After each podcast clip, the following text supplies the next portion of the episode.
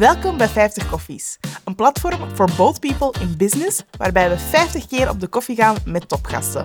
Met als doel de leiders van morgen een ruimere blik te bieden en samen bij te leren. Je kan je verwachten aan 50 afleveringen die opgedeeld worden in 10 thema's, waarbij telkens een vooronderzoek aan vooraf gaan. Wij zijn Jana en Nedja en ook dit seizoen zorgen wij Voor straffe koffie en straffere gesprekken. Veel luisterplezier! Hey en welkom bij een nieuw thema en een nieuwe aflevering van 50 Koffies. Ja, we kaarten een eh, nieuw thema aan, het thema falen. En we moeten toegeven dat het eh, al meteen een goede test was voor ons om eh, die één op tijd op te nemen en hier online te krijgen. Maar we zijn erin geslaagd, want we hebben een hele toffe gast voor vandaag. Ja, en we komen daar subiet volop op terug. Maar allereerst, voordat we erin vliegen, willen we heel graag onze twee partners bedanken. Als eerste is dat AFA Software. Dankzij hen hebben we een superleuk kantoor waar dat wij niet alleen voor onze eigen podcast en onze werkplek, maar ook voor ons podcasttraject telkens terecht kunnen om daar met de beste zorgen behandeld te worden. Daarnaast hebben ze een ERP-softwarepakket waarbij zij ervoor zorgen dat ze hun alle taken op, op zich nemen liever en automatiseren, zodat wij ons volledig kunnen focussen op wat wij graag doen. En dat is podcast opnemen. Ja, en daarnaast is er ook Koffiekan. Koffiekan eh, is eigenlijk het bedrijf hier in België, het koffiebedrijf of koffiebraderij, die daar ons koffie voor ziet voor onze opnames en voor alles wat wij doen omtrent koffie. Ehm, we kunnen ons geen betere partner voorstellen dan Koffiekan zelf. Het is een familiebedrijf die ondertussen al 50 jaar eh, bestaat en die 50 jaar bestaan dit jaar ook heel uitgebreid vieren. Dus ga zeker een kijkje nemen op de webshop van Koffiekan, want je kan er heel veel leuke dingen kopen. En dat brengt ons tot onze gast vandaag. Ja. Vandaag starten we een nieuw podcastthema. We hadden het al gezegd, het thema falen. En voor de kick-off van het nieuwe onderwerp hebben we eh, Sylvia Feitons eh, uitgenodigd hier aan tafel. Ze studeerde af als burgerlijk ingenieur en runde daarna haar eigen bedrijf Boek in a Box.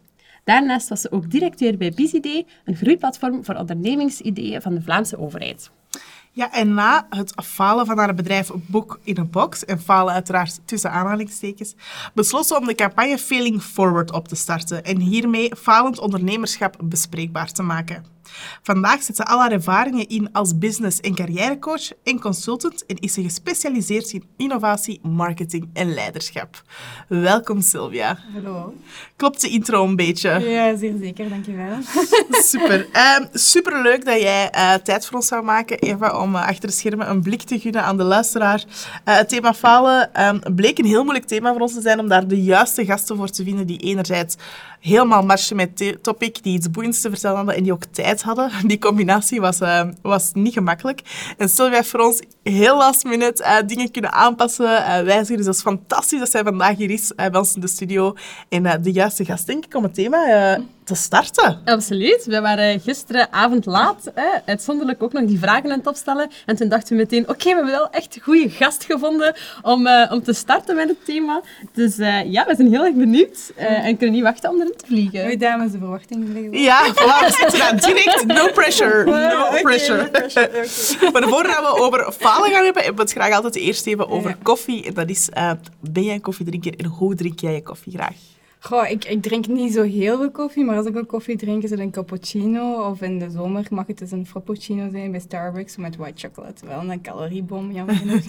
of ik drink ook zo hele gezonde koffie. Mijn beste vriendin Jan Thijs, die huidexpert heeft opgericht, uh, die drinkt zo uh, een gezonde koffie. Uh, en dat is eigenlijk een mocha van oregano. En dat is echt gezond met een beetje chocoladesmaak. Oké. Okay. Een aanrader om eens te proberen. Oeh, oké. Okay. ja. We hebben uh, al heel hard ons best gedaan om je voor te, uh, voor te stellen, maar uiteraard horen we het heel graag van, uh, van jezelf. Wie ben jij, Sylvia? Ja, ik, ik ben Sylvia en ja, vooral ook ben ik mama van twee kindjes. Hè. maar ik heb daarnaast mijn eigen bedrijf. Ik heb een coachingbedrijf, een consultancybedrijf opgericht, Imagiek. En in dat coachingbedrijf ga ik samen eigenlijk met andere mensen op zoek naar carrière-mogelijkheden, um, naar hun potentiële ontwikkeling, wie ze zijn, of met ondernemers op pad om te kijken wie we zijn als ondernemer. Maar ik ga eigenlijk de verbinding aan tussen mens en inhoud. Er zijn heel veel consultants die zich echt op de inhoud richten, er zijn heel veel coaches die zich op het menselijke richten. Ik probeer op dat snijpunt te zitten tussen het menselijke en de inhoud. Zo bijvoorbeeld, ja, wat houdt je tegen om je zichtbaar te maken op social media? Is het misschien een mama geweest die vroeger zei, doe eens normaal? of heb je bang om naar buiten te treden? Maar één keer dat je de weerstand hebt overwonnen, moet je wel met een marketingplan komen om ja. daar natuurlijk te staan. Dus ik probeer echt twee te combineren. Oké. Oké. Super fijn. Ja, ehm, het thema van vandaag is falen. Ehm, wij hebben daar onze eigen idee van wat dat wil zeggen. En jij ongetwijfeld die van jou. En ik ben vooral heel benieuwd naar wat dat, dat woord nu voor jou inhoudt. Ja, maar ik ben ook benieuwd naar wat voor jou Maar ik zal eerst het mijne zeggen. Goed, spannend. You tell me yours. I'll tell you mine if you tell me yours. Ja, voor mij is falen eigenlijk dat je de voor jou verwachte uitkomst of door de maatschappij verwachte uitkomst of door de omgeving verwachte uitkomst niet haalt. Hè. Ehm, wat, je voor, wat je voor jezelf had vooropgesteld eigenlijk. Hè. Eh, nu is voor mij falen, heeft dat voor mijzelf een zeer positieve betekenis. Hè. Vallen en opstaan. Ehm, het is inherent als je jezelf gaat ontwikkelen dat je experimenteert en bij dat experimenteren ja, het falen tegenkomt. Je hebt jezelf iets voorgesteld om te behalen en het lukt niet. Dus dat is voor mij falen. Oké. Wie van jou? Eh, ik denk, ehm, de- in mijn rationele bekregen en emotioneel denk ik dat die, niet- dat die soms dan nog wel een beetje anders is. Ehm, voor mij zou falen echt zijn ehm, om, om iets heel graag te willen, maar door overtuigingen of dingen die je zelf wijs maakt, eh, dat niet te proberen omdat je van tevoren eigenlijk al het niet durft. Je denkt dat, dat je gefaald bent. eh, het gaat niet lukken. eh, ik ga dat toch niet kunnen. Wie ben ik om dat te doen? En daardoor geen actie onderneemt. Dat is mijn rationele verklaring. Ehm, mijn emotionele verklaring, als ik naar mezelf kijk, is dan soms wel anders. En ehm, is inderdaad, ehm, ik had er iets van verwacht.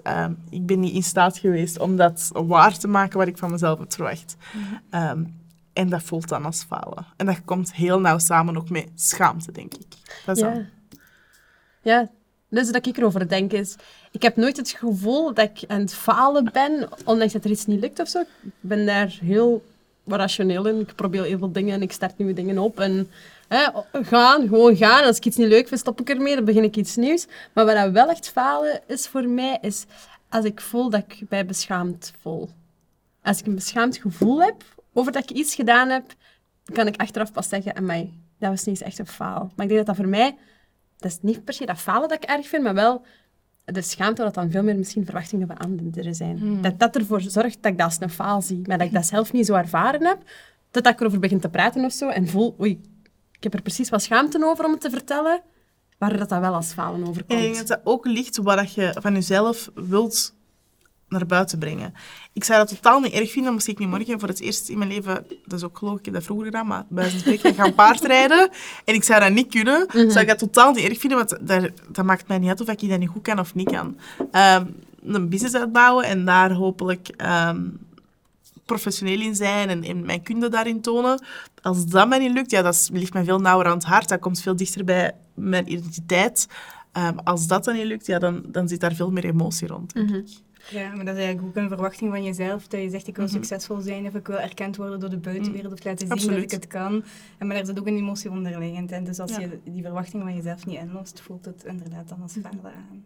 Ik heb misschien nog wel een extra vraag voor jullie als eh, mama zijnde. Oeh. Is het, het gevoel van falen eh, veranderd Ja. op het moment dat je dan een kindje krijgt, of mama wordt, dat je eh, falen anders ziet? Of sneller het gevoel hebt te falen, of minder snel? Of... Bij mij wel. Ik weet niet bij u. Ja, allee, je bent ook ondernemer, ik ben ook ondernemer. Ja, op een bepaald moment voel je je ook schuldig als je bijvoorbeeld niet altijd fysiek heel aanwezig kunt zijn, maar de momenten die je er dan bent, wel kunt invullen. En je hebt van jezelf zo'n beeld geschept, ook weer die verwachting, wie ben ik als mama? Of welke mama wil Ja. ik zijn? Of ik wil het heel anders doen dan mijn mama. Eh, en als je die verwachting van jezelf dan niet kunt inlossen, omdat je ook een andere, ja, je hebt verschillende rollen en je bent ook ondernemer en ambitieus, dat je dat niet kan invullen, dan voelt dat inderdaad soms als gefaald aan. Maar de vraag is natuurlijk, is die verwachting van jezelf, dat beeld dat je van jezelf hebt over het moederschap, het beeld dat bij jou past. Misschien is dat wel het beeld wat de maatschappij van een moeder heeft, maar Ja, ja, is dat dan klopt. het beeld dat je van jezelf hebt? Ik heb daar heel hard aan moeten werken, en nog altijd, eh, om mij daar niet altijd zo schuldig. Meer is het schuldgevoel dan misschien falen dat ik voel, van het schuldgevoel er niet altijd te kunnen zijn met misschien het gevoel dan ook van, ja, ik heb gefaald omdat ik er niet ben, maar dat is zo ietsje minder bij mij. Hmm. Ja. Ja, voor mij is er gewoon zo een dimensie bijgekomen waar je op kunt falen. Vroeger was dat zo werk, relationeel, vrienden, voor jezelf. Allee, zo, je hebt zo bepaalde assen en dat is ineens zo een extra as waar ook dingen kunnen misgaan. En dan is het inderdaad, zoals je zegt, kijken naar beeldtijd, ook naar jezelf. Hè, van wat is er... Wat zijn de basiswaarden die ik wil meegeven? Hoe, op, op welke manier kan ik die doen? En daar ook vrede soms misluiten en niet te veel kijken naar andere mama's, want ja, die hebben soms een andere context, waardoor die dingen op een andere manier kunnen aanpakken. Ja. En willen. Dat was eh, een mooie intro voor, eh, voor het thema. maar Sylvia, de reden dat we jou hier effectief gevraagd hebben aan tafel is eh, omdat jij de bezielster bent van de... Ja, het is een overheidscampagne, Failing Forward. En dat is samen met Karin Bo nee, Karen Boers van startup.be heb je dat gedaan. Ehm, dat werd een vierjarige campagne dat faalverhalen van bekende boegbeelden eigenlijk naar voren bracht om het taboe te doorbreken. Maar vertel misschien eerst eens eventjes over het ontstaan van het project. Hoe is dat ontstaan?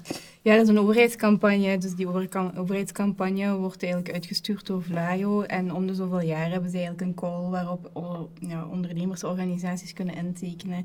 En op dat moment was minister Muiters met zijn toenmalige kabinetchef Gert Bergen ehm, ja, was toen aan de lead. En Ja. zij vonden dat heel erg belangrijk om het falen wat eh, bespreekbaar te maken. Dus dat is ook hun visie eigenlijk om het eigenlijk in de Vlaio-call in op te nemen. Waardoor dat ik samen met Karen al een paar keer contact gehad had, omdat ik directeur was van BusyD. Zij was directeur van Startups.be. En zij op dat moment had- deden al een jaarlijkse conferentie Failing Forward. Maar dat was heel bescheiden, met eigen middelen. En doordat die call kwam van minister Muiters, hadden wij zo het gevoel van, ja, wij zouden eigenlijk iets groter willen doen. eh, iets wat nog meer impact heeft dan één keer per jaar een conferentie die redelijk toch kleinschalig was. En toen hebben wij eigenlijk meegedaan aan die call en hebben wij ook gewonnen om dat te mogen uitvoeren. Super tof. Ik vind dat, die campagne Ja? staat mij ook nog levendig bij. Toen ik jou belde eh, om, om het te bespreken, zei ik het ook, maar ik kan me dat echt zo... Ik vond dat echt tof, die campagne. Dat staat mij echt nog heel actief ja, bij. Ik ga eerlijk zijn, bij mij een beetje minder, maar ik denk dat dat ook komt door het feit dat ik van wat verder kom. Ja, en ja, als mar- het is ook mar- marketing-wise zit het goed ineen. Dus ik denk ook dat het via Ah, ja. marketing insteek toen ehm, heel erg geapprecieerd werd. Ja, maar we hebben wel heel veel mensen bereikt, maar we konden natuurlijk niet iedereen in Vlaanderen Nee, nee, bereiken tuurlijk. met onze campagnes. Dus allee, we hebben wel meer dan 5000 mensen op onze eventen gehad en een grootschalige mediacampagne gehad. Maar ja, niet iedereen natuurlijk hebben kunnen Ja, en zou je het nog eens willen doen? Die campagne, ja, op de, de, ja, de laatste call die is geweest door Vlaio, is er geen apart project meer voorzien voor falen, maar is eigenlijk in elke ja, onderdeel van de call is wel in opgenomen dat elke ondernemersorganisatie die geld krijgt van Vlaio het falen bespreekbaar maakt. Dus eigenlijk niet meer een apart project, maar iedereen dient het gewoon mee te nemen. Dus het is niet meer apart. Dus dan is onze missie geslaagd. Oké, goed.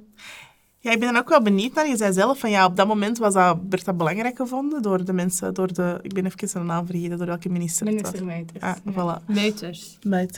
Was er toen een economische context waardoor het dat belangrijk werd? Of was dat gewoon, gewoon nee, tof, tof om ook iets over te hebben? Goh, ik denk dat het ook door zijn kabinetchef een stuk werd geïnspireerd. Gert Bergen is eh, iemand die daar toch wel redelijk mee, mee in aanraking was gekomen, ook door zijn vele missies naar het buitenland. Hm. En dat hij het persoonlijk ook wel echt belangrijk vond om dit dan op te nemen. Ehm, dus ik denk dat het eerder ook dat was dan eerder een marktcontext die zich daaraan bood. Ehm, kan zijn, maar dat is wat ik ervan heb begrepen. Oké. Ja, het concept failing forward is eigenlijk gebaseerd op de theorie of, of het principe van John Maxwell, ehm, die er eigenlijk vanuit gaat dat falen juist iets heel positiefs is en dat je beter snel faalt om zo snel te leren, snel te groeien. En dat het eigenlijk ook vooral een cruciaal onderdeel is hè, van succes. En dat die eigenlijk gewoon... Ja, je kunt geen succes hebben zonder te falen bijna. Dat het bijna onloskomelijk, ehm, onlosmaakbaar liever verbonden is met elkaar. Ondanks dat dat... ehm, Zeg je dat eerst juist? Dat is misschien de eerste vraag. Is dat het, het principe waarop het gebaseerd is en, en klopt dat voor jou? Ja, dat klopt inderdaad. Dat we, geen, allee, we hebben ook Feeling Forward, ook met vallen en opstaan. Ehm genoemd met vallen en opstaan eigenlijk. Van ja, het is positief, je hebt iets geprobeerd, je staat terug op, je kijkt terug en je leert eruit vanuit een positieve instelling. Bij ons project Feeling Forward is ook door de Europese Commissie als, als naar voren geroepen als een rolmodel. Dus er is ook een, een voorstelling gegeven aan de andere Europese landen om het dan ook breder te gaan doen. Dus het was wel fijn vanuit die insteek, allee, vanuit de positieve insteek, dat we ook andere landen konden inspireren om er ook mee aan de slag te gaan.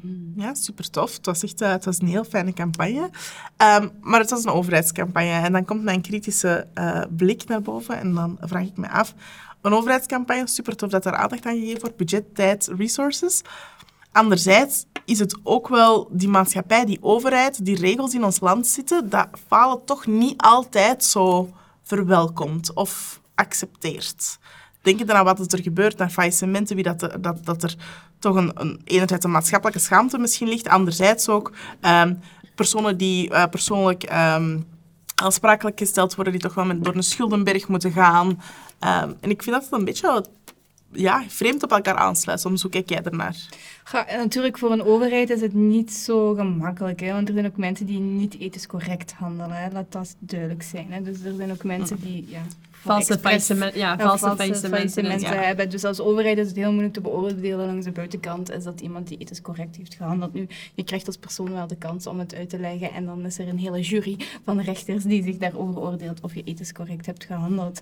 Um, maar langs de andere kant ja, is het natuurlijk voor de overheid ook niet makkelijk om met die regels om te gaan. En dat is inderdaad zo. Maar het is vooral eigenlijk ook langs de maatschappij um, en langs de bedrijven hun kant dat er ook acties kan ondernomen worden. Een aantal jaar geleden, ja, aangezien ik zelf ook een faillissement heb meegemaakt, een aantal jaar geleden probeerde ik eigenlijk eh, digitaal parkeren, was ingeburgerd.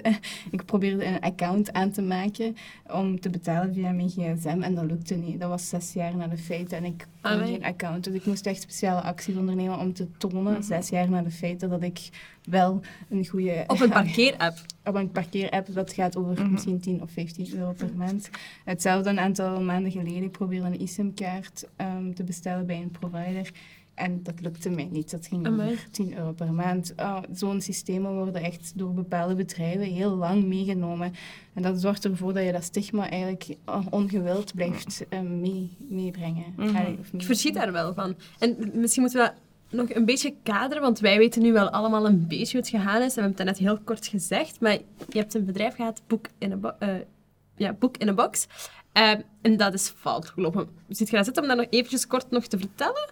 Ja, ja, tuurlijk. Ja, oké. Okay. Ja, Goed, dan zijn we zo'n halve podcast. Ja. Oei. Ja, nee, goed nee, om dat even te, te vertellen. Uh, dat kunnen mensen misschien ook veel meer plaatsen waarom dat je dan geweigerd wordt, bijvoorbeeld, om uh, gewoon op een parkingapplicatie in te loggen. Ja, dus ik heb een eigen bedrijf gehad tien jaar geleden, Boek in een Box. Um, dat was eigenlijk zoals Bongo, Viva Box, maar dan eigenlijk voor boeken. Uh, mijn man en ik hebben dat opgericht. Uh, van idee tot realisatie. Op tien maanden stonden we op de boekenbeurs. Waar wij te koop in Dreamland, Carrefour, hadden wij een box met de morgen gemaakt. En hadden wij verschillende bedrijven die dat als relatiegeschenk wilden geven. Ik was ook uh, uitgeroepen tot meest beloftevolle onderneemster van Limburg. Ik had geld opgehaald. Maar op een bepaald moment, ja, we hadden een magazijn. En wij deden eigenlijk heel operationele dingen zelf. Ehm, maar op een bepaald moment begint je af te vragen, is dit dan de taken of de tijdsinvestering dat ik moet doen, het inpakken van de mhm. boxen en het brengen naar de filialen. Dus op een bepaald moment hebben wij een onderaanneming gezocht, um, die dat, die operationele handeling eigenlijk een onderaanneming voor ons zou doen. En een paar maanden nadat wij eigenlijk onze koppeling hadden gemaakt, dus al onze IT-systemen waren op elkaar afgestemd, is dat bedrijf failliet gegaan. Ah. Dus op dat moment had ik geen uh, magazijn meer, ik had geen contract meer met Bpost, ik had geen uh, rechtstreeks contract meer met uitgeverijen. Uh, heel mijn IT-systeem was in elkaar verwezen, verweven. Dus ja, op dat moment kon ik dat echt heel moeilijk terugpakken. Um, en daarnaast heb ik natuurlijk ook wel fouten gemaakt, want we hadden op dat moment geen bergje geld liggen om heel snel een nieuwe koppeling met een andere partij hebben. Dus ik had het verkeerd financieel ingecalculeerd. Dus op dat moment zijn wij dan ook ja, mee failliet gegaan eigenlijk. Ja. En mag ik dan misschien vragen, puur een beetje ook uit curiositeit, hoe gaat dat dan? Je hebt een zaak gehad, je gaat failliet, wat gebeurt er dan? Goh, ik moet eerlijk zeggen, dat een, ik ga je de grote lijnen zeggen. Want ja, gewoon heel kort zo. Ja, je gaat failliet, gaat naar je boekhouder, je stopt de zaak en dan zeg je, je, komt, je mocht het uitleggen voor juryleden. Hoe gaat dat? Ja, het is ook natuurlijk in die periode is dat heel emotioneel, want je bent je baby kwijt, dus dat is een waas een beetje dat je dat beleeft. Mm -hmm. Maar want wij hoorden het feit dat onze onderaan failliet was, hoorden wij op de radio toen wij naar ons kantoor aan het rijden waren. Dus er was niemand die ons op voorhand had ingelegd dat dat zo gebeurde. Dus wij hoorden dat op de radio. Dus wij komen toe in het kantoor. Ja, en op een bepaald moment moet je dan even gaan zitten en even de tijd nemen van wat gebeurt er hier? En op zich hoefde dat niet te betekenen dat we failliet zouden gaan als wij een pot geld hadden allee, hadden liggen om een nieuwe koppeling te maken. Dus in eerste instantie denk je, oké, wat kunnen we doen? Ben je creatief? Ben je op zoeken naar oplossingen? Ga je praten met mensen? Ga je hulp vragen? En op een bepaald moment dat je dan toch beseft van, ja, het gaat niet meer. We geven het uit handen, dan moet je dat eigenlijk gaan neerleggen bij de rechtbank. En op een bepaald moment word je dan ook uitgenodigd bij de rechtbank om daar voor een leger van rechters jouw verhaal te gaan doen. Meesten nemen een advocaat mee, maar wij zijn dat als er ons twee gaan doen.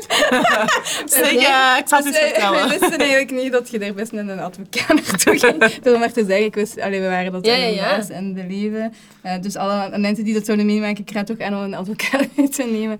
Maar ja, wij hebben dan, ja, ja, dus wij hebben daar ons uitleg gedaan en we zijn ook, ja, omdat wij ook ethisch correct gehandeld hadden, wij hebben echt op tijd de stekker uitgetrokken. Dus dat betekent dat er wel nog heel veel geld op de rekening stond, maar niet genoeg om alles te doen. Zodanig dat het aan de curator was om de verdeling correct af te handelen en niet aan ons om die afhandeling te doen. Dus wij, ik denk dat wij op tijd ethisch correct gehandeld hebben om op tijd dat te doen. Oké, super interessant. Ook voor mij de eerste keer dat ik eigenlijk hoor wat er gebeurt als Ja. je zo'n keuze maakt. En ik ben dan vooral benieuwd, wat gaat er dan door je hoofd? Hè? Je, je, gaat daar, je hebt dat moment, de curator handelt dat dan af. En dan? Ja, en nog zoiets en wat ik wil toevoegen is van, ja, ik wist eigenlijk niet dat als je na de rechtbank bent geweest, dan komt er dus blijkbaar een curator naar je kantoor, maar ik had twee stagestudenten zitten. En opeens komt die de deur sluiten, dan moet je naar buiten. Maar mijn computer zat daar, dat was allemaal, mijn studenten zaten daar nog. Ik wist het totaal niet dat dat gebeurde. Dus op dat moment ja, gaat je in de keuken zitten, want dat was zo'n gemeenschappelijke keuken. En ja, dan kan je je eigen kantoor niet meer in, waar je eigen laptop met fo- privéfoto's en al die zaken liggen. Dus op dat moment ja, vergaat wordt- eigenlijk een beetje jouw wereld. Hè? Ja, want het is jouw tuurlijk. baby, maar niet alleen dat. Je, je, je, je wordt een beetje als...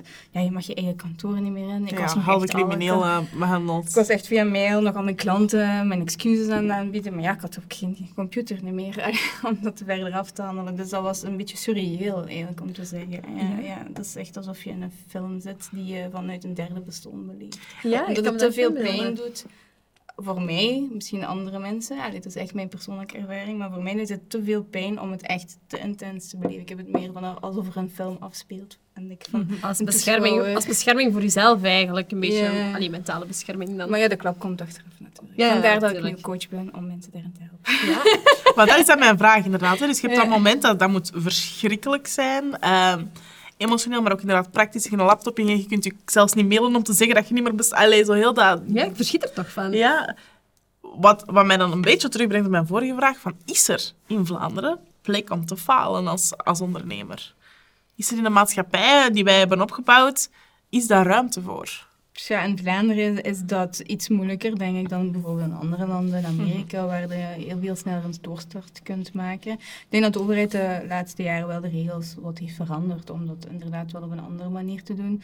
Maar dus als maatschappij als, eh, ga je daar op een andere manier op reageren. Maar wat ik wel vind, is dat de gefailleerde daar zelf ook een bepaald standpunt in, in te nemen. Als jij jezelf schaamt, hè, Ja. als jij jezelf zegt van ik ben als persoon gefaald, ja, dan gaat jouw omgeving jou ook zo ervaren als jij bent gefaald. Maar als jij zegt mijn onderneming is gefaald, ik ben- heb als persoon fouten gemaakt, maar ik heb hieruit geleerd, dan gaat jouw omgeving daar ook op een andere manier reageren. Dus ik zou het niet zozeer alleen op de maatschappij af laten stralen, maar ook op de persoon zelf die de faling meemaakt. Eh, Wat ik, eh, ja, ik heb recent de filosoof Spinoza leren kennen en Spinoza zegt, ja, de mens onderschat en overschat zichzelf. Op dat moment dacht ik echt in mijn verbeelding dat iedereen over mij praatte. Sylvia, de gefailleerde. Ja, Eh, ja. Dat was in mijn verbeelding, verbeelding echt zo, want ik stond natuurlijk in het middelpunt van mijn eigen universum. Ik was gefaald, maar ik denk dat in realiteit misschien niet zoveel mensen echt over mij praten. Twee, ja, ik denk ook dat het aan mij was. ik onderschatte mezelf, van ik was niet gefaald. Misschien voelde ik dat zo, maar ik, mijn bedrijf was gefaald. En op het moment dat je dat dan zelf gaat voelen en uitdragen, gaat jouw omgeving dat ook zo doen. Dus ik denk dat er ook heel veel verantwoordelijkheid bij de gefailleerde zelf ligt.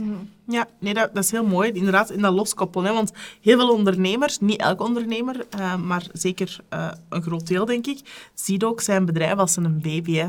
Je geeft daar alles aan, al je tijd, al je geld, allee, of toch een groot deel van je geld, je uren, je nachten, je, je, je dromen, je, alles geeft je eraan. Ja, dat is dan nog heel moeilijk om op een gegeven moment om dat los te koppelen, neem ik, neem ik aan. Of niet? Ja, zeker. Dat is ook wel een grote les die ik heb geleerd. Dat ik nooit meer zo een, een symbiose met mijn bedrijf ga zijn. Allee, mijn bedrijf was ook een beetje mijn identiteit. Ja. Vandaar dat ik dat ook in mijn coachings vandaag de dag meeneem van hoe zie jij je bedrijf en waarom doe je dit en op welke gezonde manier sta je in relatie met je bedrijf. Mhm. Eh, En ik denk dat heel veel mensen soms ook uit frustratie gaan ondernemen. Uh, ik geloof dat er ook een verschil is tussen intrapreneurs en entrepreneurs. Hè. Dus de intrapreneurs zijn degenen die echt heel fijn vinden om initiatief te nemen en de kar trekken, heel veel vrijheid nodig hebben. Maar heel veel bedrijven in België hebben geen plaats voor die intrapreneurs. Die vertellen dat wel op een website, maar in realiteit is dat niet zo. uh, waardoor heel veel intrapreneurs gefrustreerd rondlopen of in een burn-out zitten en zeggen, oké, als ik die, die autonomie niet kan krijgen in een bedrijf, dan ga ik dat als ondernemer doen. Hè, natuurlijk, als, je, als dat niet echt bij je past, om die risico's te pakken. En je komt dan in een marktcontext waar we vandaag in zitten, met de oorlog in Oekraïne, met de energieprijzen die er zijn. En inherent ben je eigenlijk geen risicopakker. En je komt in een marktcontext terecht waar heel veel risico is. Goed, dan ja, kost het jou heel veel energie om creatief te zijn, om met die ja, mhm. tegenslagen eigenlijk om te gaan. Dus ik geloof dat er ook echt heel veel verantwoordelijkheid in de zelfkennis van de ondernemer zit om te mhm. zeggen van ben ik eigenlijk een ondernemer? Hoeveel risico wil ik pakken? Hoe ben ik creatief genoeg om met tegenslagen om te gaan? Ben ik mentaal sterk genoeg om dan mhm. eigenlijk dat aan te kunnen? Ja, ik, ik ben niet zo alleen tegen de maatschappij. Ik denk altijd, ja, de maatschappij kan je niet controleren, dat is stoïcijns gedachtegang. Ja, maar jezelf wel, hè, hoe dat je erin staat. Absoluut. Ja, maar er kunnen misschien wel veranderingen gebeuren in structuren in de maatschappij of zo. Niet? Ja, maar, maar de verandering moet van binnenuit komen vanuit de ondernemer zelf. Als, als jij jezelf niet als schaamte, als jij zegt ik heb geleerd, en er zijn meer en meer ondernemers die dat gaan doen, en ja, je hebt het zelf gezegd, je vindt het moeilijk om mensen over het thema samen te brengen. Dat is toch mijn oproep naar vandaag, dat mensen die het hebben meegemaakt, bekende ondernemers, die toch ook een hele grote community rond zich hebben, daarover durven praten. Ja, ik ben het er 100% mee eens, dat uh, voor zelf, jezelf als ondernemer, maar ik denk toch ook dat stukje, want uh, nogmaals, het hangt ook af hoe je er zelf op reageert. Maar bijvoorbeeld dat jij zes jaar na de feiten nog altijd niet kan inloggen op een app of geweigerd wordt bij een, een provider, dat, dat, dat lijkt zodanig ver weggelegd van een gewoon faillissement eigenlijk. Want je kan daarna ook gewoon terug een normale job hebben aangenomen of zo. En dan zal het er niets meer mee te maken hebben. Dan ligt het toch ook al een beetje aan dat die maatschappij daar in elkaar hangt. En dat jij dan toch wel uh, mee geconfronteerd wordt. En misschien iets waar je op dat moment helemaal niets meer aan kan doen. Dat is iets wat ja. eigenlijk een beetje op je kerfstok staat, dat iedereen in België gewoon kan zien en waar iedereen ook zijn eigen regels omtrent kan maken. Daar ben, helemaal, ben ik helemaal bij akkoord en dat is ook heel onrechtvaardig, maar ik alleen ga dat niet veranderen. En nee, zelfs de campagne van Think Forward heeft het niet kunnen veranderen. Mhm. De vraag is, wie kan het dan wel veranderen? Als je met genoeg mensen bent, kunnen ze niet anders dan het te veranderen. Uh, maar als ze het zelf niet inzien dat het zo is, mhm. of het verbloemen of een andere reden aangeven, en mevrouw moet het daar niet van, ja, waarom is het dan wel? Nee. Allee, snap je wat ik bedoel? Dus het is ook aan die bedrijven zelf, en hopelijk inspireert de podcast hè, daardoor wel. Kom aan, mannen. Wij doen mee, een steentje Om dan toch, uh, ja, dat de mensen die in bedrijven op die posities zitten, dat die toch wel eens gaan nadenken van, ja, allee, is dit de manier waarop onze processen moeten geoptimaliseerd mhm. zijn voor die mensen? Is dat nog rechtvaardig voor die mensen die wel ethisch correct hebben gehandeld. Ja, dat ja, Voor mij is dat wel een belangrijke nuance. Maar ja, zolang dat die mensen op die posities daar geen bewustzijn van gecreëerd hebben. En wanneer creëert je een bewustzijn met die mensen in die posities, zodat er voldoende mensen en massa over gaat spreken. Mhm. Want ja, ik ben niet Jeanne d'Arc om de brandstapel. Allee, dat ga ik niet. Nee, nee. ik geloof dat het zeker wel iets waar bij heel veel mensen eh, wel iets meer zouden kunnen veranderen. Maar ik denk inderdaad dat heel veel mensen er misschien niet bij stilstaan. Dat dat, dat gewoon niet zo erg is. Hè. Als we dan gaan, gaan kijken um, in andere culturen, in vergelijking met België, is het taboe hier wel gewoon heel groot. En dan blijkt dan ook nog uit een studie van Eknamen en Wire van 2017. Um, ehm, ja, die tonen eigenlijk aan dat uh, ondernemers die dan faillissement hebben gehad, daarna eigenlijk twee keer zo goed scoren en veel beter scoren als het aankomt op ondernemen of acties ondernemen. Als je nu zelf terugkijkt op je eigen periode tot nu toe, denk je dat er al iets veranderd is met de campagne mee, uh, de, allee, daarin meegenomen? Is er een verbetering als het aankomt op falen hier in België?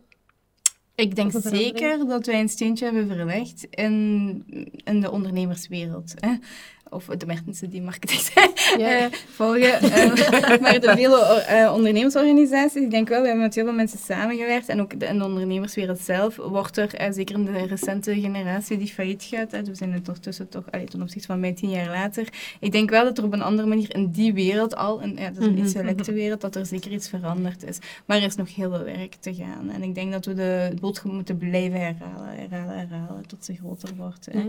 Nu, Peter Hinde zegt altijd, wij zijn degene die niet op de boot naar Amerika stapte, hè, lang geleden. Ehm, dus zijn wij in ons DNA misschien ook niet gewoon risicoaverser. Je hebt altijd uitzonderingen op de regel, waar wij er natuurlijk een van zijn.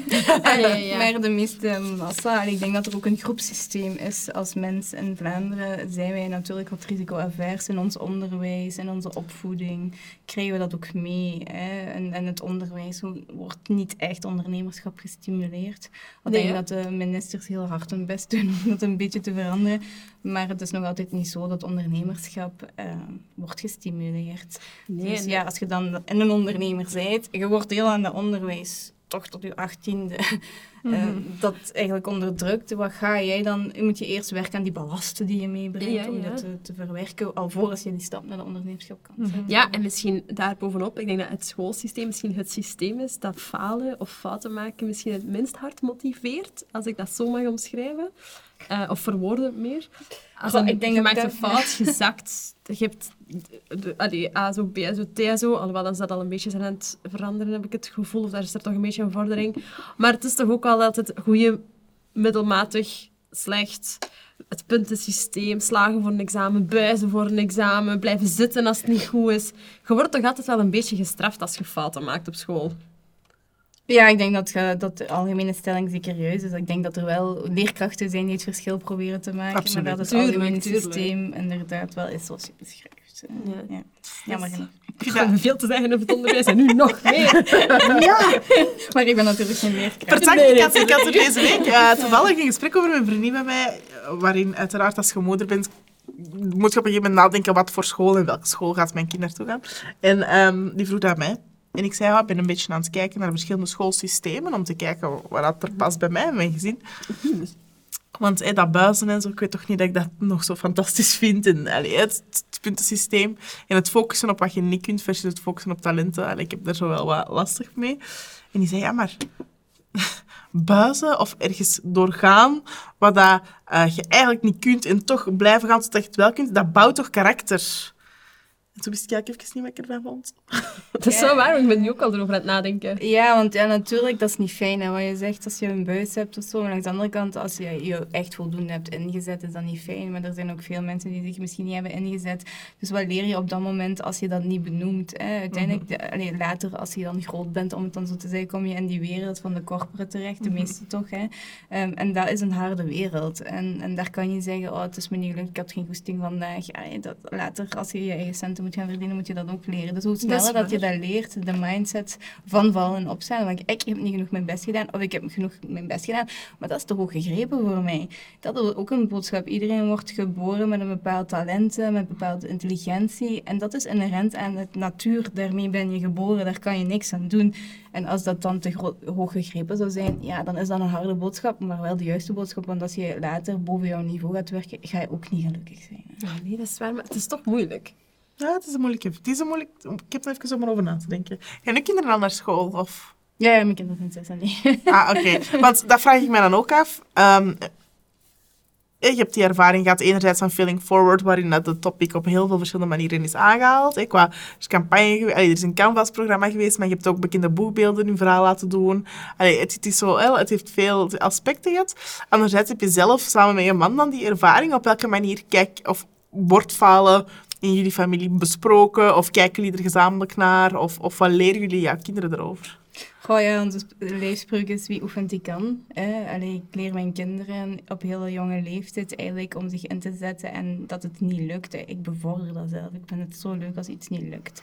Omdat ze eigenlijk op jonge leeftijd doorzettingsvermogen creëren. Eh, want je kan alleen maar succesvol zijn in het leven als je doorzet bij falen. Ja, Als je opgeeft. En soms kan dat heel lang duren. Hè. Je kijkt naar jullie eigen verhaal. Het kan soms echt lang duren voordat je een succeservaring hebt. Maar als je opgeeft, ja, dan is het sowieso een faalervaring. Maar een faalervaring hoeft niet te betekenen dat het in die, op het lange termijn niet lukt. Dus ik leer mijn kinderen wie oefent, die kan. Doorzetten, kom aan, we gaan het nog eens proberen. Als je veel oefent, want mijn zoontje eh, doet wel redelijk veel tennis.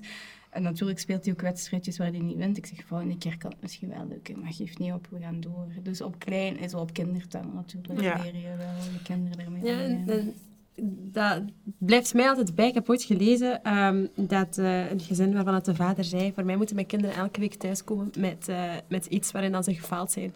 Elke vrijdag aan de eettafel vraag ik, en waar ben je deze week in gefaald? Dat op een bepaald moment, als ze niet voor iets gefaald waren, dan gingen ze expres iets nieuws gaan uitproberen, eh, om dan te kunnen zeggen aan tafel, ja, ik heb iets gedaan, ik ben gefaald.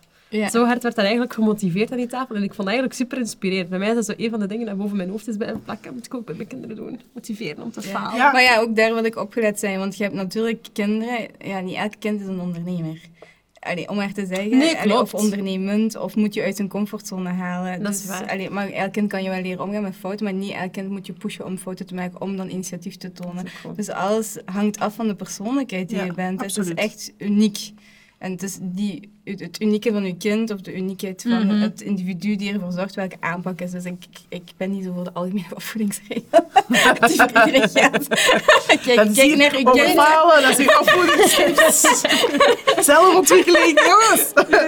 Ehm, nee, maar wat ik me wel herinner ook van iemand die zei, als mijn kind zegt van, oh, ik kom aan school, het is me niet gelukt vandaag, of ik heb een wedstrijd gehad en ik heb niet gewonnen, of Ja. iets waarin falen ervaren wordt, dat hij thuis had zeggen, amai, fantastisch.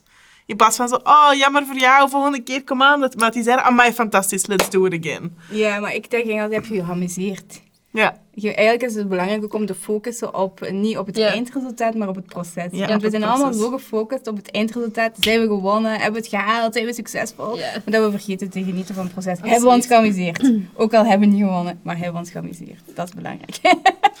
nee, helemaal, eh, helemaal waar. Ja, en naast dat falen eh, is er natuurlijk ook nog heel veel angst om te falen, waar de mensen heel veel zaken eh, niet doen. Eh, in België zijn er cijfers van en daar start vijf van de tien personen geen eigen zaak op, puur omdat ze eigenlijk schrik hebben om te falen. Mhm. En het onderzoek van de Global Entrepreneurship Monitor van 2014 eh, is dat België ook een van de Europese landen is waar men het minst bereid is om risico te nemen. Je zei het daarnet ook al, eh, van Peter Hins, die dat zei, ja, wij zijn niet naar eh, Amerika gegaan met een boot. En, en wij zijn van daaruit ook eigenlijk een, een volk of een gemeenschap die dat niet graag risico neemt. Je hebt het daarnet al gezegd. Losstaand van het feit dat we niet een boot naar Amerika hebben genomen, van waar komt die angst, denk jij misschien? In, in Vlaanderen, in België? Goh, dat is wel een heel moeilijke vraag van waar die angst komt. Maar ik denk wel ehm, dat dat ook iets is wat in onze opvoeding zit. ik, ik kan me herinneren, allee, of wat veel klanten ook zeggen, is zo van, ja, mijn ouders zeggen, ga maar een job zoeken, want dat Doe is maar gewoon, veilig, of doe maar gewoon. hè. en dat wordt van generatie tot generatie overgenomen, hè, vanuit de oorlog, van, eh, van schaarste, van alles wat we hebben meegemaakt. Eh, denk ik dat ja, van generatie op generatie wordt doorgegeven van ja, als je een goede job hebt, hè, en zeker nu met de energiecrisis, ja, als je loon hebt, kun je dat zeker betalen. En dus ik denk dat er bepaalde marktcontexten geweest zijn, generatie op generatie op generatie, die die boodschap herhalen, waardoor dat het ook moeilijker is om daaronder te doen. Nu, angst is een emotie, en emoties, zullen heel veel psychologen, psychiaters zeggen, dat is een deel van de hersenen, Eh, of bepaalde kronkels in je hersenen die die emotie teweeg brengen. De vraag is, de angst is er, je voelt ze, maar laat je je daardoor leiden. En dat is een attitude, dat is een mindset. En dat kan je doorbreken. Je kan iets doen met de angst. Dat doen jullie ook. Je hebt soms ook bang, maar toch doet je het. En sommige mensen hebben angst en laten zich verlammen. En dat is een keuze. En dat is niet een emotie. De emotie voelt iedereen, maar de keuze om je te laten leiden door de emotie, dat is een keuze. En is misschien, we hebben het net gehad over, wordt falen wel genoeg gestimuleerd hè, in het schoolsysteem of zo? En moet dat dan wel? Want inderdaad, waar, waar bouwt je je karakter op? Dat is daar. Maar misschien moeten we dan veel meer in het onderwijs misschien gaan begeleiden rond angst. En, en hoe dat je inderdaad wel keuzes durft maken, ook al heb je schrik van iets. In plaats van heel hard te focussen op dat falen dan. Ja, een aantal jaren geleden heb ik een, tra- een project gedaan, Talent zoekt onderwijscoach, omdat wij een coach wilden per onderwijskoepel, die ging mij helpen op de mindset rond angst rond doorzetten, en niet alleen op het schoolse. We zijn tot minister Krivits, de toenmalige minister van Onderwijs, geraakt, maar we merkten dat dat heel erg moeilijk is, ook omwille van budgettaire redenen. Dus de enige keuze die ouders vandaag hebben, aangezien er ja, in het schoolsysteem ja, niets mogelijk is op vandaag de dag, is jouw kind te gaan omringen met die mindset. Ja. En je kan ook niet alles aan de school overlaten. Ik denk dat je als ouder...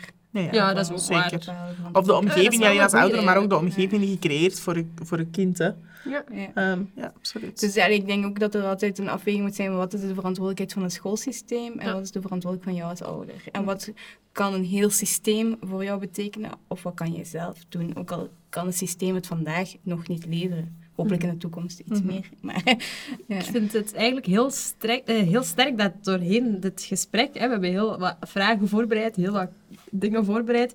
En ik merk wel dat wij een beetje heel erg zijn van de maatschappij en de school. En ik vind het heel mooi dat je het gesprek altijd ehm, terug naar de core brengt en zegt van ja, het begint toch altijd terug bij jezelf. Dat valt mij nu wel op. En dat is dan misschien zo ons ja, vooroordeel dat wij dan hebben voordat we hier aan tafel gingen zitten. En ik vind het heel mooi dat je toch altijd bij alle verschillende aspecten dat, dat we hier besproken hebben, terugkeert naar het is toch ook dat je zelf omgaat met falen, dat je zelf omgaat met je dat je zelf omgaat met eh, die angsten niet te laten leiden, hoe dat je zelf omgaat met het schoolsysteem, waar dat je eigen verantwoordelijkheden daarnaast zijn.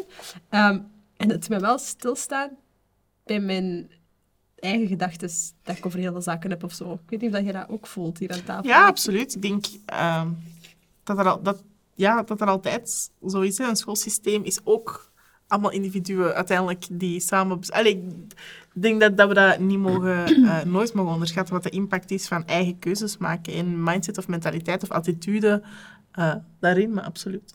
Ja, ik nu wel heel sterk op innerlijk leiderschap, want je hebt altijd Maar een keuze op welke school je dan wel kiest. Hè? Ja. Op welk eh, job of voor welk bedrijf je wel Mhm. gaat werken. En ik vind dat heel weinig mensen het innerlijk leiderschap echt opnemen. Want het is niet de maatschappij die je verplicht om iets te doen. Het lijkt soms zo door de angst dat je geen keuze hebt. Maar ik ben nogal voor de empowerment van het individu. Ja, ja. Nee, goed zo. Er is aangewakkerd worden voor de empowerment van Ja. individu.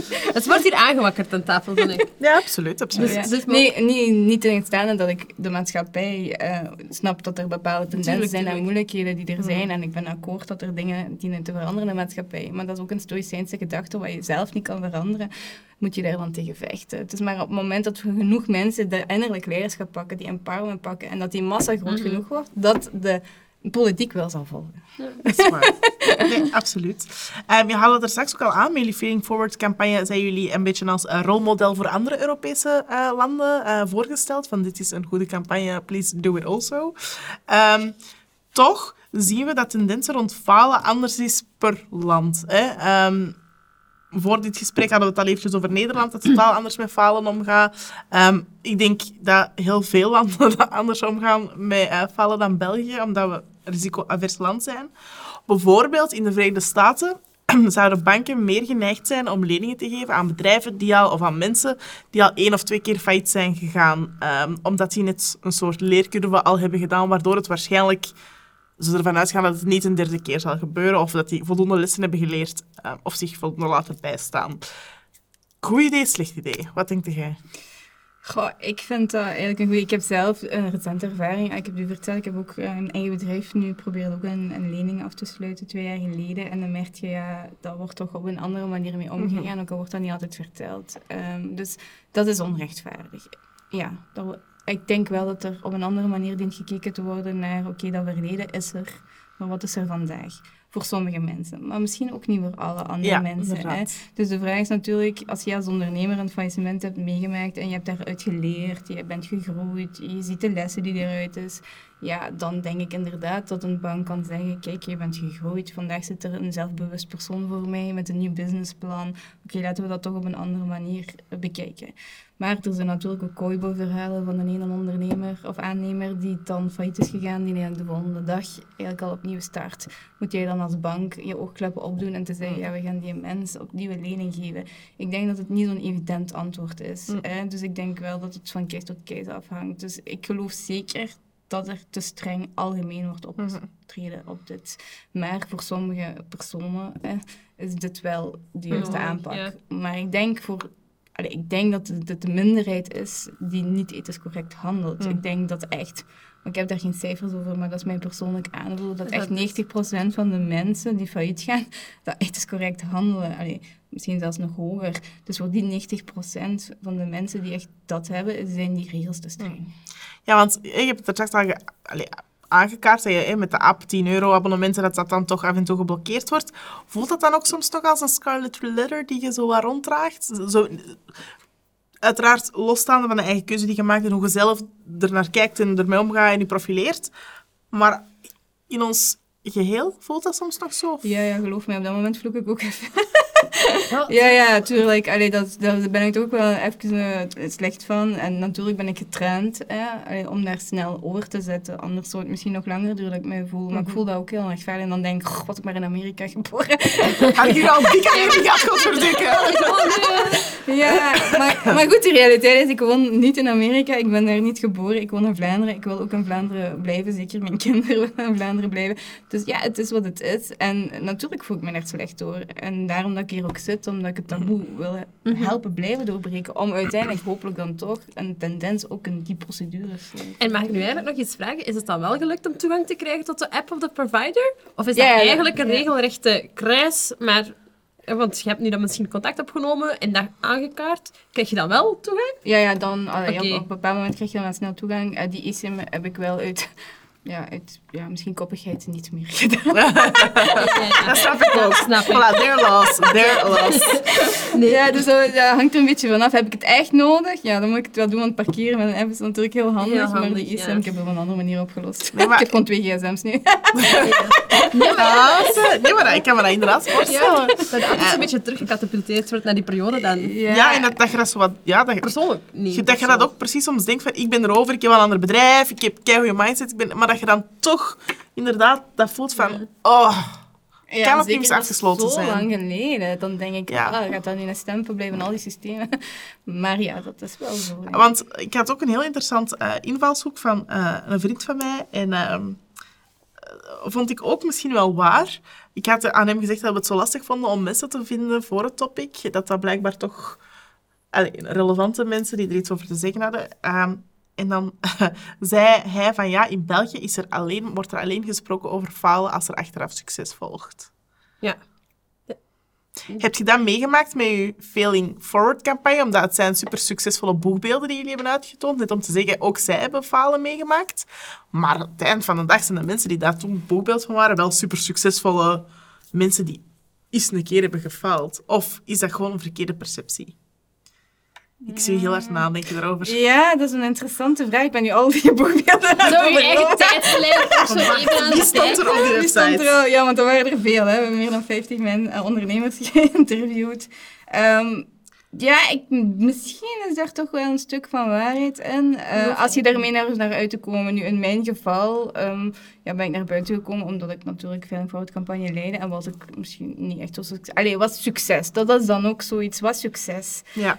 Dat is de definitie van succes. Wat is dat dan? hè? Maar als je terug op je poten bent, je staat terug, terug goed in het leven, misschien durf je dan pas echt over. Is op het moment dat je eigenlijk nog in de rouwperiode zit, is het eigenlijk ook niet het moment volgens mij om daarover te praten. Dus eigenlijk na die rouwperiode, wanneer je terug in het leven gaat staan en dan voor de buitenwereld wat succesvoller blijkt te zijn. Want niet iedereen die getuigde had een een miljoenenonderneming, hè, of een- of een hele grote onderneming. Er waren echt best wel mensen die gewoon zich recht hadden gezet en terug een job uitoefenen of een kleine onderneming terug hadden gestart, maar niet succesvol in de ogen. Wat, gij- wat ik denk aan succesvol, denk ik toch een groot bedrijf terug uitgebouwd of veel geld hebben verdiend. Dat was zeker niet waar. Maar in de rouwperiode denk ik dat het sowieso niet, aan, allee, dat het niet aangeraden is om erover te praten, want dan kan je ook verbitterd bijvoorbeeld. Dat is En dan misschien kan je het voor de volgende generatie Ja. in de hand. Zullen we verkeerde dingen aan het Dat is een interessante vraag, maar ja, niet zo'n gemakkelijk antwoord. Nee, nee, maar dat is maar... Ik, dat is ook... Ik denk ook dat het altijd moeilijker is om in het moment zelf te spreken. Ook omdat je bent het ook nog aan het oplossen. Hè. Ja, en emotioneel. Je bent emotioneel, je- ja. En je moet je gewoon ook een faal... Allee, een, een faal, eh, hoort mij al. Een plek geven, hè. Van, ja. wat, wat vind ik er nu van? Wat, wat vind ik nu van mezelf? Waar heb ik fout gemaakt? Waar niet? Allee, je bent er allemaal zo nog een klein beetje misschien aan het uitdokteren van... Ja, Ja, en het ik vind is- het belangrijk, sorry dat ik onderbreek, Nee. maar het is wel belangrijk dat je die rouwperiode ook echt neemt. Ik zie ondernemers heel snel eh, doorschakelen. En dan denk ik, ja, is dat nu om de, wel om die persoonlijkheid, maar ik denk toch wel dat het belangrijk is om even stil te staan met de lessen die je daaruit kan leren. Als je daar te snel over gaat, ook over de emotie, over de lessen, dan weet ik niet of je het echt kan integreren in jezelf. Ja. En als je dan nog in de periode dat je aan het reflecteren bent, gaat spreken, ja, dan dat kan zichzelf dan gaan tegenspreken Ja. daarna ook. Dus dat is misschien ook wel een beetje gevaarlijk, want het is voortschrijdend inzicht. Hè. ja, absoluut. En En lang misschien... Ah, sorry. Nee, en ook misschien dat we er allee, zelf naar kijken, hè, over het, het babbelen in die rouwperiode. het is me ook een beetje denken aan de manier waarop je denkt als je iemand toch heel emotievol ziet verschijnen op social media, of misschien heel veel tranen is aan het laten op, op, een, allee, op het moment dat er helemaal iets fout aan het lopen is, en dat je daar misschien... Je vindt dat normaal, want elke ondernemer maakt dat zo wel mee en zo, en die emoties, je voelt het allemaal. Maar toch heb je toch ook misschien een beetje dat vooroordeel of dat gevoel van, goh, moet dat nu allemaal gedeeld worden? Op dat moment zelf. Niet als in, je mag niet babbelen over dat er gefaald zijn, dat dingen niet gelukt zijn, maar moet dat zo... Ik, ik ben daar wel zijn. schuldig aan, dat ik zo denk van, moet dat zo in de moment al allemaal gedeeld worden? Als je nog volop in emotie bent, dan ben je dan wel de juiste dingen aan het delen. Ik ben daar wel schuldig aan, dat ik daar soms vooroordeel over heb van, goh, moet dat nu gedeeld worden? Terwijl dat misschien wel een stap is daar waar- waarvan anderen denken dat die wel zou moeten genomen worden. Ehm, Maar je hebt ook de perceptie van de ander over jouw emotie. En, en dat is gevaarlijk. Hè? Want ja, jij bent emotioneel en de ander ziet dat en heeft daar een bepaald perceptie over. En die perceptie is heel moeilijk te wijzigen. Dus het, voor jezelf te beschermen is het gewoon ook beter om dat niet te doen. Het is niet dat je dan niks wilt delen, maar ik denk als je achteraf daar iets over deelt, dat dat prima is. Maar, eh, Hoe lang heeft die periode bij jou geduurd? Tussen, amai, oef, schiet er los in en het is net gebeurd. Maar ik ben terug overeind gekrabbeld. Ik voel me terug oké. ready for the next chapter. Ja, daar wil ik een nuance aan brengen. Toen ik failliet ging, heb ik mezelf drie dingen voorgenomen. Eén, ik ga iets doen rond... Ik wil dat falen doorbreken. Want ik was pas beloftevolle onderneemster van Limburg geworden. En dan ga je failliet. En dan voel je toch wel, Ja. als je op net- netwerkmomenten komt, dat er mensen zijn die niet goed weten hoe dat ze jou moeten aanspreken of jou gewoon vermijden. ja, ja. Twee, ik wil iets met die kennis doen en andere ondernemers meegeven. Dus ja, die twee heb ik gedaan toen ik directeur was van BZD en Feeling Forward. Dus voor mij had ik het gevoel van, oké, ik ben wel aan het opstaan. Maar de derde ding dat ik had voorgenomen, ik ga terug ondernemen. En dat heeft veel langer geduurd. Ah. Eh, dus er zijn verschillende aspecten van dat rouwproces. Dus ik ben wel redelijk snel opgestaan en veerkracht teruggevonden om iets terug in de wereld te zetten. Waaronder dan directeur zijn als BZD en Feeling Forward. Maar dat echte ondernemerschap, dat is eigenlijk pas twee, drie jaar geleden pas teruggekomen. Dat ik durfde voor mezelf terug te zeggen, oké, die rouwperiode is voorbij. Ik ben krachtig genoeg, ik heb dat allemaal geïmplementeerd. Ik durf terug financieel risico pakken. En nog is het soms met een beetje, ja, toch wel angst. Want eh, ook al doe ik heel veel aan zelfontwikkeling, ik ga hier niet beweren dat ik vandaag eh, die angst niet in de ogen dien te kijken. Het verschil is, ik voel de angst, maar ik laat me niet leiden door de angst. Maar die is er wel echt. Mhm. En voordat ik dat had gehad, had, had ik niet zoveel angst rond dat financiële. Dus ik heb dat meegemaakt. En dat blijft toch een stukje, een deel van mij, waar ik gewoon, denk ik, voor de rest van mijn leven dien, dien rekening te houden. Maar ik laat me wel niet leiden. Ja. Ik denk dat het wel mooi is ook dat je dat zegt. En dat is ook hetgeen waar we het over hebben gehad. Dat eh, iemand die een keer failliet is gegaan en een tweede keer een lening aanvraagt, gaat anders nadenken over geld besteden, uitbesteden en ontvangen. En dat is ook wel hetgeen wat je nu zo zegt. Van die angst blijft er ergens waar zitten. En waarschijnlijk denk je wel misschien twee keer na voordat je dan je risicovolle uitgaven doet nu. Of misschien denk je er meer over na dan je de eerste keer deed niet. Ja, en het is zeker bewuster, maar het is ook soms een rem. Hè? Dus ja, de Ja. vraag is, is het goed, is het niet goed? Ja, misschien had ik veel verder kunnen staan als ik die rem niet had. Maar ja, voor de, om, de financierders is het goed dat er een Ja, rem op ja. staat. Maar voor mijn eigen groei is het misschien wel een Ja. rem. Dus dat is ook weer subjectiviteit. Hoe kijk Ja. je ernaar? Hoe kijk je ernaar? Absoluut. Dat is heel mooi om dat in kaart te brengen, hè, want ik denk dat als je onderneemt, dat je automatisch, ondanks dat je denkt, ik ga dat wel kunnen en ik heb full force vooruit en ik heb de juiste mensen rondom mij, al die dingen, is er ook wel een aspect dat weet, het kan ook de verkeerde kant op gaan. Dus ik denk ook dat voor elke ondernemer die luistert, of voor iedereen die die, die, die keuze aan het maken is misschien, ehm, ja, dat, dat, dat dat wel belangrijk is, omdat die perceptie en die eigen keuze en dat leiden door die angst en al dat soort dingen, dat dat, ja, dat is ook gewoon een optie. Als in, dat kun je zelf nog wel een deel bepalen. Hoe dat je er naar kijkt, hoe je ermee omgaat, wat je kiest, wat je tegen jezelf zegt, wat je erover zegt tegen anderen.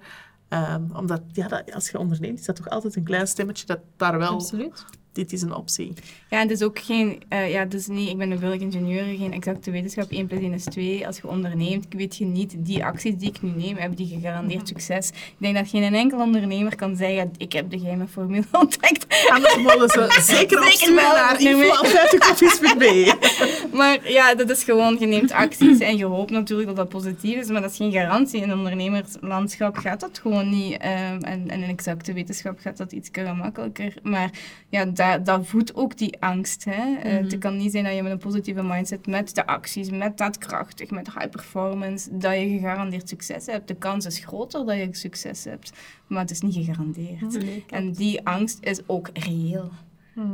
Dat is gewoon een dat is ook realiteit. Eh, dus de angst kan een beschermer zijn, ehm, maar de angst kan een belemmering zijn. Dus dat is heel goed te voelen, die angst, wat wil die mij zeggen? Is dat een rem op de realiteit, want het kan misgaan? Of is het ikzelf die mezelf belemmer om snel te gaan? Dus heel, heel veel in dialoog gaan met die angst. Van wat, wat wil je mij zeggen eigenlijk? Wil je mij beschermen of wil je mij belemmeren? Heel, heel eh, ja, heel, eh, Absoluut. ja, heel toepasbaar ook. Ehm, misschien nog ehm, een andere vraag. Ehm, jij hebt zelf je verhaal, maar jij komt ook heel veel in aanraking met andere ondernemers die altijd niet al... Ik kan me voorstellen dat er mensen naar jou komen van hey, ik heb hetzelfde voor, ben je ermee omgaan? Maar eerder goed in je Failing Forward campagne komt heel veel falen natuurlijk ook naar voren. Vandaag ook spreekt je met heel veel ondernemers die misschien ook wel het een en ander al hebben meegemaakt. Zijn we in België als start-ups genoeg voorbereid om te ondernemen? Goh, sommigen wel, maar heel veel niet. En wat zijn zo de biggest mistakes dat je denkt, ah, niet doen, maat. Of, of dat zou ik echt niet aanraden. Of... Ja, nu wat, wat ik heel veel ondernemers zie doen, is heel focus op de product en dienst. Eh, welke product, welke dienst willen we erin doen? Een businessplan schrijven, een SWOT-analyse, een concurrentieanalyse, een financieel plan. Eh, meestal eh, gebeurt dat wel echt. De ene al wat beter dan de andere. Maar wat ik heel weinig mensen die doen, is echt in zichzelf gaan kijken, wat, wie ben ik? Wat zijn mijn, mijn talenten? Wat, wie ben ik als ondernemer? Als je het samen met iemand anders doet, hoe, hoe complementair zijn we? Hebben we goed doorgesproken, hoeveel gaan we werken? Want de ene 40 uur en de andere 70 uur wilt werken, kan daar wel Lastig eh, zijn. lastig zijn. En daar zie ik het onvoorbereidendheid wel. Meestal gaat, er- is er wel een plan, eh, financieel plan, SWOT-analyse, maar is er heel weinig nagedacht, wie ben ik als ondernemer? Hoe ga ik als mens, als ondernemer, mijn dienst of product ondersteunen om in de markt te zetten? En dat vind ik heel onvoorbereid voor veel ondernemers die starten. Het is ook iets wat we al veel besproken hebben, hè? dat we in Vlaanderen nogal geneigd zijn om ons heel hard te gaan verdiepen in de kwaliteit van een product of dienst en dat we niet zo goed zijn in het vermarkten van producten en diensten en als daar in Nederland eigenlijk veel beter mee in zijn. Hè? En dat Nederland heel veel wegloopt met eh, online verkopen en dergelijke. Op de kap van de Belgen, om het eh, even zo te verwoorden. Dat is heel zwart-wit. Heel zwart nee. Maar het, we hebben het wel al heel vaak, het is al vaak ter sprake gekomen hier. De bescheidenheid eh van een product of dienst op de markt te zetten hier in België, dat dat toch wel parten speelt. Ja, ik denk dat het ook met wat jij zegt van, wij zijn bouwers. Als in, wij maken een heel goed product, een heel goed dienst. Kwalitatief. Hè? De bak in de maag, maar ook niet per se om huizen te bouwen, maar ook om producten te maken. Hè? Ehm, terwijl inderdaad, een product kan zo goed zijn als, als het mag zijn, als de persoon die erachter staat niet sociaal kan zijn om te netwerken of te sales te gaan doen, is dat misschien not the person for the job. Is dat misschien een prima productdeveloper, prima, of een innova innovatiemanager of ik weet het niet. Maar is dat niet een garantie voor ehm, effectief op de boer te gaan met je product om het dan ook effectief te verkopen of te marketen? Ja, ja, inderdaad. En ik had in jullie eerste aflevering begrepen dat jullie een insights-analyse hebben gedaan. Ik werk zelf met de kerntalentenmethode. Breng echt ondernemers in kaart. Wie ben je? Heb je een bepaalde creativiteit? Heb je naar buiten treden? Kan je verkopen? Vind je daar energie van? Ben je een innovator? Ben je entrepreneur, entrepreneur? Dat op voorhand weten van jezelf, maar ook in een co-founding team. Om van daaruit de rollen toe te gaan wijzen. Wie doet wat? Ehm, en als je bijvoorbeeld als ontwikkelaar, IT-ontwikkelaar, niet het naar buiten treden hebt en je gaat dat alleen doen, ofwel gaat je heel duur moeten inkopen bij een freelancer, ofwel heb je een vernoot te zoeken die dat doet, maar iemand moet het doen. Want als je onzichtbaar bent en je wordt niet gevonden, Dan mag jij gaat ook het beste product hebben. dan Ja. gaat het niet. En de- ja, iedereen kent wel de bekende boegbeelden die jullie ook waarschijnlijk al hebben geïnterviewd. Wouter Touws, Anne Klaas, eh, Hans Bourlot, al die mensen, eh, Mark Koeken. Dat zijn allemaal boegbeelden van een bedrijf. Als je aan die persoon een naam denkt, weet je het bedrijf dat ze vertegenwoordigen. En of je nu een techneut bent of niet, allee, het is belangrijk dat, dat je naar buiten treedt in de persoonlijkheid die je bent. Het is niet omdat je introvert bent dat je geen boegbeeld van jouw bedrijf kan. Nee, dat is de grootste misvatting dat er is.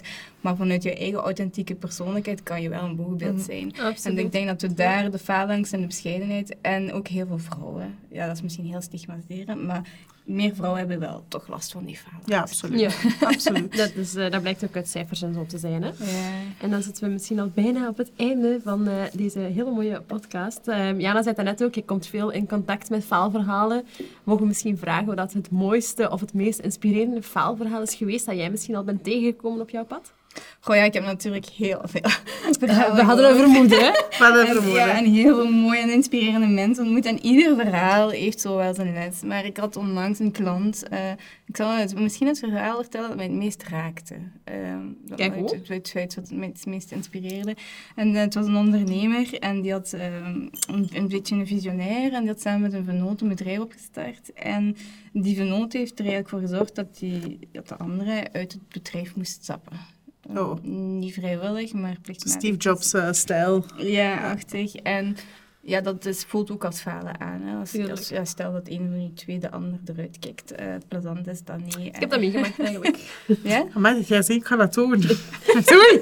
Ik heb, eh, ik heb dat meegemaakt. dus, Ja? Ja. Ja, dan zie je en dan voel ik wel, hè, als die persoon er dan over vertelt en dan opnieuw besluit vandaag de dag om opnieuw met iemand anders te durven een avontuur aan te gaan, zoals je dan ook hebt gedaan. Absoluut. Dat vind ik dan heel inspirerend, omdat ja, je toch het vertrouwen in, in de ander gaat doen en je niet vasthoudt aan iemand heeft mij ooit een mes in de rug gestoken. En, Nee, ja, klopt. Ik dat vind denk- ik heel mooi. Ja. En, maar ik denk ook wel opnieuw vanuit het punt dat je heel veel fouten hebt gemaakt en dat je na je rouwproces eh, je eigen fouten ook kunt erkennen. Eh, dat je die ook kunt omschrijven, zo, van oké, die fouten wil ik zelf ook niet meer maken. Dus je bent ook wel eh, veel meer behoed eh, als je samenwerking aangaat. Dus ik ben er 100% van overtuigd dat dat bij mij ook een van de zoveel redenen is waarom dat wij een goede samenwerking hebben dan Jana en ik zelf. Ja, jij vanuit die coaching, opleidingen, insights, achtergronden en zo. Jij zit daar gewoon al super sterker. Maar ik bij mij ook continu een beetje behoeden voor. Dat zijn fouten die ik al in het verleden heb gemaakt. Ik wil die zeker niet nog eens maken. Ehm, en en je, je, ja, je vormt een team op een heel andere manier. Ik ben in geen enkel opzicht dezelfde persoon in deze samenwerking dan dat ik was in de andere samenwerking. Ja, en je kan het niet alleen, hè. En dat vind ik zo mooi. En je, ja, heel veel ondernemers die willen of durven niet hulp vragen of het met iemand anders doen. Maar het is zo eenzaam. Echt waar. Allee, het is zo eenzaam om het alleen te doen, dat het vertrouwen in een ander, ja, dat het gewoon heel fijn is om het met een ander te doen. Absoluut. En ja, dat is ook wat ik aanraad voor ondernemers die het momenteel vandaag misschien moeilijk hebben met de energiecrisis. Vraag hulp, vraag adviseurs. Er zijn zoveel mensen die zo graag hulp willen bieden, maar als je het niet vraagt, ja, gaan de mensen het ook niet weten. Dus vraag hulp, laat die omringen. Er zijn heel veel mensen die je willen helpen. Doe het niet alleen. Ja, dat is zo belangrijk. Een hele goede tip die wij vanuit 50 Koffies ook willen aanraden. Eh, vraag hulp, vraag het aan mensen. Dat is onze grootste les geweest de afgelopen drie jaar. Er zijn heel veel mensen die jullie graag willen helpen. Eh, ook al is het soms last minute. en moet die persoon er heel haar agenda voor wijzigen. Eh, maar heel veel mensen willen u helpen. Ehm, zeker, eh, dus zeker vragen, hulp vragen. Sylvia, laatste vraag. eh, en sowieso heel erg bedankt om tot Antwerpen helemaal af te zakken. Wat mogen we van u nog verwachten in de toekomst? Goh, ja.